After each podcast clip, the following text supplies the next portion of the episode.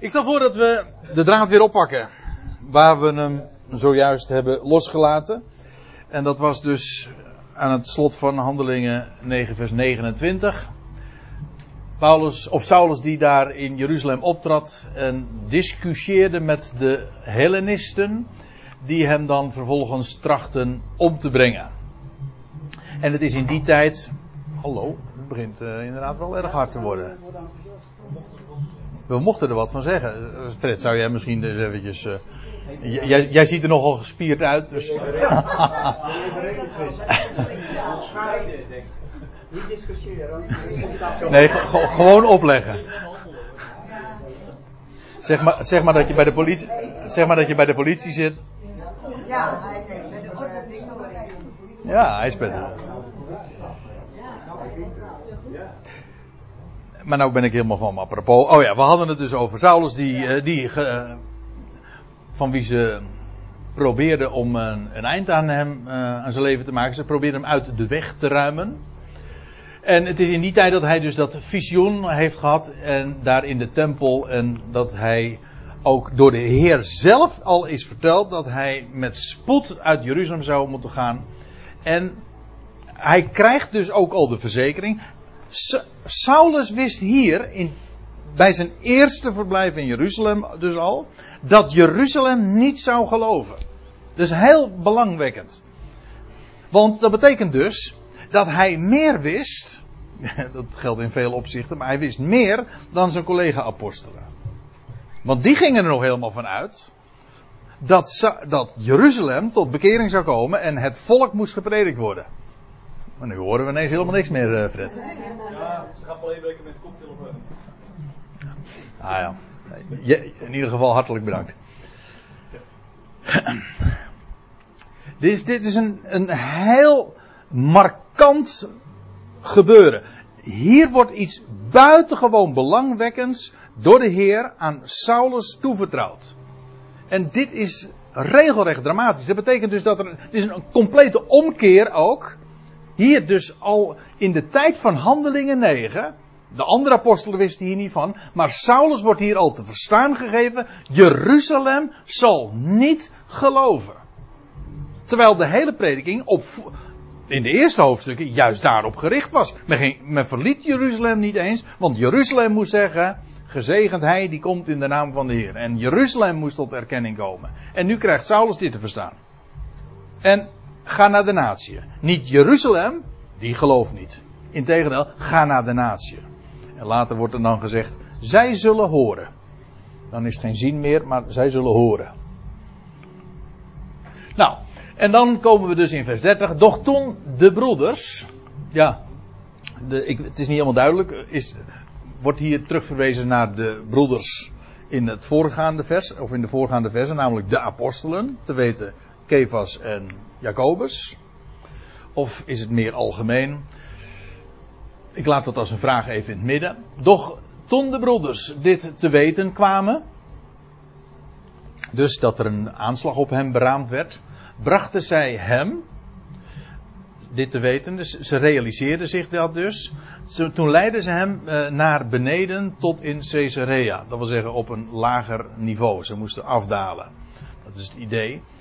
En zij brachten hem naar Caesarea. Dus het pardon, de stad die in het volgende hoofdstuk, in hoofdstuk 10, zo'n grote rol speelt. Namelijk als we bij Petrus dan inmiddels zijn aangekomen die ook naar Caesarea gaat, namelijk naar de Romeinse hoofdman Cornelius.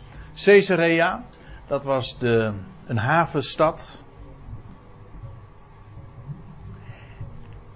Wellicht dat we daar uh, bij een latere gelegenheid nog wat, wat meer over gaan. Uh, meer over zullen bespreken. Maar ik wil er toch alvast even op wijzen dat Caesarea, het is een havenstad. Het ligt dus, het is aan het, let op de wijze hoe ik het nu ook formuleer. Het ligt aan de grens van het land. Het ligt bij de zee. En dat bedoel ik eigenlijk letterlijk zo, maar ook figuurlijk. Aan de grens van het land. Bij de Volkerenzee. En als Paulus later ook inderdaad naar de natie toe gaat, hoe gaat hij dan? Gaat hij via Caesarea.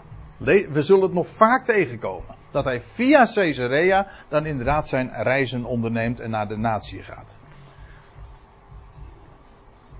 Het is ook heel opmerkelijk dat juist in Caesarea de poort naar de heidenen geopend wordt. Inderdaad, is Petrus, die aan hem waren de sleutels immers toevertrouwd. Hij opent de poort. Ik bedoel het eigenlijk heel letterlijk. De poort is eigenlijk een, is een ander woord voor een haven. Hij opent de poort. Puerto. En namelijk naar de natieën. Is daar aan de grens van het land en daar gaat de deur open. En het is vervolgens Paulus, dat is wel weer zo opmerkelijk. Petrus opent, dat is het volgende hoofdstuk in Caesarea, de deur naar de, naar de, naar de natieën. Maar het is Paulus die door die poort inderdaad daadwerkelijk ook vertrekt. Eigenlijk al eerder, dus hier in Handelingen 9 al. Goed, uh, ja, laat ik dat meteen even zien. Dat is het mooie met, uh, met zulke PowerPoint plaatjes. Als u even een beeld daarvan van, van wil hebben. Uh, ze realiseerden zich dat er een moordaanslag op hem gepleegd werd. En de broeders die brachten hem, geleidden hem naar Caesarea. En dan zijn we dus hier. We waren in Jeruzalem. En toen gingen ze vervolgens hier naar de kust, naar Caesarea, ligt even onder de huidige Haifa. En staat er dan, en ze lieten hem vandaar uh, naar Tarsus vertrekken. Tarsus, dat was de plaats waar Saulus vandaan kwam. Saulus van Tarsus. En dat ligt dus hier. Dus hij is vanuit hier naar Tarsus gegaan. Die staat van het Sorry? Die reis. Nee. Nee, dit is ook nog niet zijn uh, missionary journey. Hè? Maar Nee, want hij, hij ging nu eigenlijk op de vlucht. De vervolger, hij die in het begin van hoofdstuk 9 nog de vervolger van de Ecclesia was, was hier niks anders dan een vluchteling. En hij moest nu het vegenlijf redden en Jeruzalem verlaten. En nou ja, hij wordt onder begeleiding naar Caesarea gebracht. Gebeurt later in de geschiedenis trouwens weer. Dat hij onder begeleiding, zelfs met een hele Romeinse escort, uh, hoe zeg je dat? Uh, Zo'n hele escort, uh, dat hij begeleid wordt naar Caesarea. Omdat en toen er vele Joden waren die zelfs onder een, zich onder een gelofte hadden gesteld, zodat hij vermoord moest worden. Afijn. Dus vanuit Caesarea gaat hij naar Tarsus en daar is hij enige jaren gebleven. Dat wil zeggen in deze landstreken, want daar ga ik weer even naar Galaten 1. Het wordt in die zin eentonig, want dat heb ik nu al verschillende keren gedaan. Maar ja, zoals gezegd, die twee uh, schriftgedeelten, die vullen elkaar zo geweldig aan. Nou, ik lees nu eventjes dit heel snel. Daarop ging ik drie jaar later naar Jeruzalem. Nou, daar hebben we het over gehad. Om Kefas mijn verhaal te vertellen. En ik bleef vijftien dagen bij hem. En ik zag geen ander van de apostelen dan Jacobus, de broeder des Heren.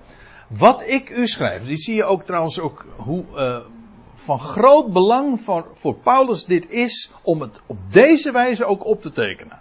Dit, hij zegt dit maar niet zomaar. Hij verklaart hier ook. Hier is een getuige aan het woord. Hij zegt: Ik verklaar dit, ik schrijf dit voor het aangezicht van God. Ik lieg niet, dus een eed. Want hij roept God erbij aan. En dan zegt hij, en nou komen we precies waar we wezen moeten, namelijk precies bij de, de tijd waar we nu bij zijn aangeland. Daarna, toen hij dus in Jeruzalem geweest was, 15 dagen bij, bij Petrus. Daarna ben ik gegaan naar de streken van Syrië en van Cilicië. En dat is de periode van handelingen 9 aan het eind tot aan handelingen 12. En dan komen we weer even bij hetzelfde kaartje uit. Want dat is deze streek. Cilicië, niet te verwarren met Sicilië dat hier ligt. Cilicië. Tarsus was dus een, een stad. De hoofdstad zelfs van deze landstreek. Cilicië. En u ziet het, hier ligt Syrië. En, in, en Hij zegt, ik ben gegaan naar de streken van Syrië en van Cilicië. In handelingen staat er, hij ging eerst dus linea recta van Caesarea naar Tarsus. Maar hij zegt, uh, daar is hij niet gebleven. Hij is gegaan naar de streken van Syrië en van Cilicië. Oh, en dan zegt hij er nog uh, dit bij in handelingen, pardon, in zijn verslag in Galaten 1. En ik was aan de gemeenten van Christus in Judea van aanzien onbekend. In Jeruzalem niet, maar daar in de landstreken van Judea wel. Alleen hoorden zij, hij die ons vroeger vervolgde, evangeliseert nu het geloof. Ik heb het expres even zo weergegeven, want dat is namelijk wat er letterlijk staat.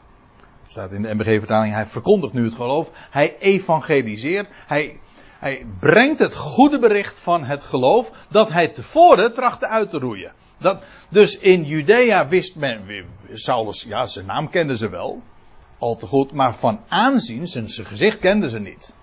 Eén ding wisten ze wel, namelijk hij die ons vroeger vervolgde, die evangeliseert nu het geloof dat hij tevoren tracht uit te roeien. Waar dan? Nou, daar in Syrië en eh, in de streken van uh, Syrië en Cilicië. Dus, uh, nou ga ik weer even naar het plaatje. Hij is dus van Jeruzalem naar Caesarea naar Tarsus gegaan. En hier in deze streken heeft hij vervolgens Syrië, Cilicië, Antiochië. Maar daar komen we straks over over te spreken, of straks, de volgende keer, volgend jaar eigenlijk dus. Dan komt hij namelijk in Antiochië terecht. Vergis u niet, Antiochië was een enorme stad. Het was zelfs de derde stad van de bewoonde wereld. Rome stond op nummer 1. Uh, Cyrene. Hè? Alexandrië of Nee, Alexandrië al, was nummer 2. Maar Antiochië, dit Antiochië, want je hebt er nog één. Hier ergens, ja hier. Maar dit Antiochië was de derde stad. De derde stad van, in, van de wereld in die dagen. Het was dus echt een, een, met recht een wereldstad. Wel, vanuit deze stad uh, worden er dan vervolgens uh, vele reizen ondernomen. U ziet dat hier trouwens. maar goed, daar gaan we het in de toekomst nog uh, uitgebreid over hebben, over die verschillende reizen. Dit klinkt Kijk, als je dit zo allemaal ziet, dan is dat een warboel. En dan zeg je, dit snap ik allemaal niet. Maar daar, daarom vind ik het zo mooi om in zijn voetsporen, in zijn voetstappen te treden. En gewoon dat helemaal te volgen hoe dat zo gegaan is. En ja, via het boek Handelingen kun je dat prachtig dus allemaal traceren en nagaan. In combinatie dan met zijn eigen brieven.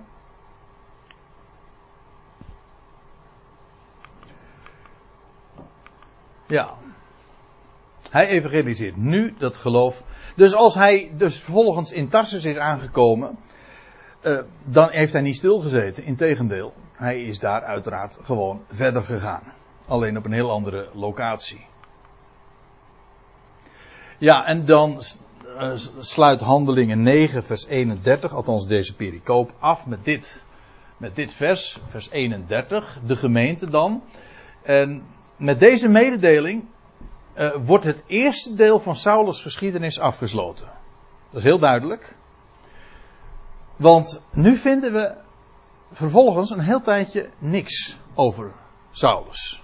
Ik zal het straks ook laten zien. Maar eerst nog even dit. Eerst even vers 31. Uh, met deze afsluitende opmerking wordt er gezegd: de gemeente, of andere, dus een uit handschriften kwestie. Sommigen zeggen namelijk de uitgeroepen vergaderingen, de ecclesia's, meervoud. Dan de, de ecclesia's dan door geheel Judea, Galilea en Samaria had vrede. En ik denk dan, hoe komt dat? Zou dat vooral zijn omdat ze geen last meer hadden van de vervolger? En werd opgebouwd. Prachtige beschrijving de vervolgingen dan wat geluwd zijn, is er vervolgens vrede. Daar in die Ecclesia's. Ze werden opgebouwd en ze wandelden in de vrees van de Heer. Nou, dat is natuurlijk een prachtige uitdrukking die we maar al te goed kennen vanuit eh, de Hebreeuwse Bijbel. De vrezen des Heren. De vrezen van Yahweh. En daar wandelde men in, daar was men in gaande. terwijl men gebouwd werd. Dat heeft dus te maken met onderwijs, want daardoor word je opgebouwd. En men, eh, aan de ene kant dus dat onderwijs, en men ging daar ook in. Dat gaat hand in hand. Anders is het een heel ongelukkige vorm van onderwijs. Ze wandelden, ze gingen in de, in de vrees van de Heer. En zij nam, dat wil zeggen de gemeente of de, de Ecclesia, in aantal toe. Hé. Hey. Ik heb. Ja, nee, toch wel. Ik wou zeggen, ik, eh, het ontbreekt een, zin, maar dat is niet zo. Zij, nam in aantal toe, u ziet, ze werd vermeerderd. Ze nam in getal dus toe, dus precies wat eh, de MBG-weergave ook aangeeft. Ze nam in aantal toe door de bijstand van de Heilige Geest. U ziet letterlijk de bemoediging van de Heilige Geest. Hier weer datzelfde woord waar we het eerder vanavond over hadden. Uh, toen het, het al hadden over de zoon der vertroosting. Weet u wel, Barnabas. Dit woord staat er weer. Ja, en dan die bijstand of de bemoediging van de Heilige Geest. Ja, hoezo? Nou, dan denk ik toch inderdaad weer aan die vrijmoedigheid die hij, die geest geeft, de overtuigingskracht, ook de wijze waarop de Heer dat toen in die dagen ook bevestigde met wondertekenen. Zo werden ze aangemoedigd, bemoedigd de, door de bemoediging van de Heilige Geest. Nou, en daarmee hebben we dus een heel gedeelte afgesloten. En de, het eerste deel van de voetsporen, de voetstappen van Saulus uh, afgesloten. Want vanaf dit vers, namelijk vanaf handeling, het volgende vers moet ik eigenlijk zeggen, vanaf handelingen 9 vers 32 tot en met hoofdstuk 11 vers 18, vind je niet Saulus, zijn naam wordt dan helemaal niet meer genoemd, maar Petrus ik moet erbij zeggen, afsluitend. Het, is het zijn de laatste activiteiten die van Petrus worden beschreven. Daarna vind je eh, Petrus nog wel, maar alleen in ontmoeting met. Bijvoorbeeld daar in Handelingen 15, de beroemde apostelvergadering in Jeruzalem. Maar de activiteiten van Petrus worden hier nu vervolgens afgesloten. En in Handelingen 9, als u eventjes met mij bladert door de Bijbel. Dus we hebben die, dat vers 31 zojuist eventjes nog ter afsluiting gezien. En dan krijg je vanaf vers 32 de geschiedenis van uh, Aeneas en Dorcas. En dat, bevind, dat vindt plaats uh, in Lida en Joppe aan de kust. Dus Kefas, Petrus, gaat naar de kust toe van, van, uh, van het land. En dat dan vervolgens in Handelingen 10, dat is min of meer een vervolg daarop. Dan gaat hij naar de Romeinse hoofdman Cornelius in Caesarea en daar wordt de deur naar de natieën geopend. En daar vervult Petrus ook inderdaad zijn apostolische functie, dat wil zeggen de functie die de, waarvoor hij afgevaardigd was door de Heer, namelijk en de sleutels waren hem toevertrouwd van het koninkrijk. Eerst had hij de deur geopend in Jeruzalem, Vervolgens heeft hij de deur ook geopend in Samaria, handelingen 8. En nu tenslotte opent hij de deur ook naar de natie. En dan vervolgens treedt hij terug. En wordt het stokje, als ik het even in estafette termen mag zeggen, wordt het stokje overgenomen door Saulus. Die dan die vervolgens inderdaad al heel gauw Paulus gaat heten. Op het moment dat Paulus ook daadwerkelijk naar de natie gaat. Maar in handelingen 10 wordt dus al die deur geopend. Feitelijk, en dat is wat je uh, dus ziet, je zou dat eigenlijk ook als een, in een trapsgewijs kunnen weergeven, maar moet ik toch nog eens een plaatje van maken. Trapsgewijs kunnen weergeven hoe gaandeweg er een ontwikkeling in het hele verhaal is. Feitelijk is deze onderbreking van handelingen 9 vers 32 tot 11 vers 18 is een intermezzo in Saulus geschiedenis. Namelijk, dit is voorbereidend voor de, de activiteiten en de prediking en voor de bediening van de apostel Paulus. Dit was nodig. Kefas moest dit doen. En Saulus was inmiddels geïntroduceerd. Is nog steeds Saulus, in de Joodse context. Vervolgens komt Kefas. Eh, nog ter afsluiting worden nog een uitgebreide geschiedenis van hem vermeld. Handelingen 11 worden in de eerste 18 versen nog uh, de verdediging beschreven van Petrus. Waar, dat hij de doop van Cornelius verdedigt. Nou. En dan inderdaad, vanaf handelingen 11 vers 19. Dan wordt het accent verlegd. Dan gaat het heel nog niet naar de natie, maar al wel de verkondiging van het evangelie vindt dan plaats buiten het land. Namelijk in de wereldstad Antiochia.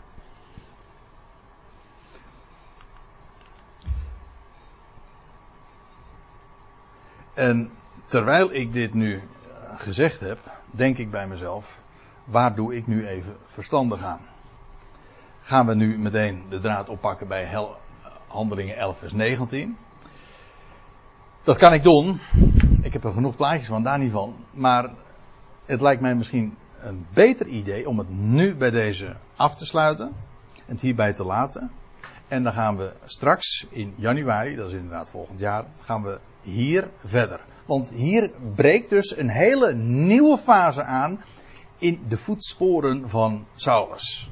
Want hier is de hele omgeving, de hele context een andere geworden. En zo hebben we dus dit jaar in vijf uh, avonden het eerste deel, ik heb dat helemaal niet zo gepland, zo is het uh, nu een keer uh, gelopen, hebben we het eerste deel van Saulus traject bezien. En hoe hij van een vervolger een verkondiger is geworden. En nu inmiddels is hij dus in Tarsus aangekomen. En het vervolg, daar gaan we het de volgende keer dan over hebben. Zullen we dat bij deze dan afspreken?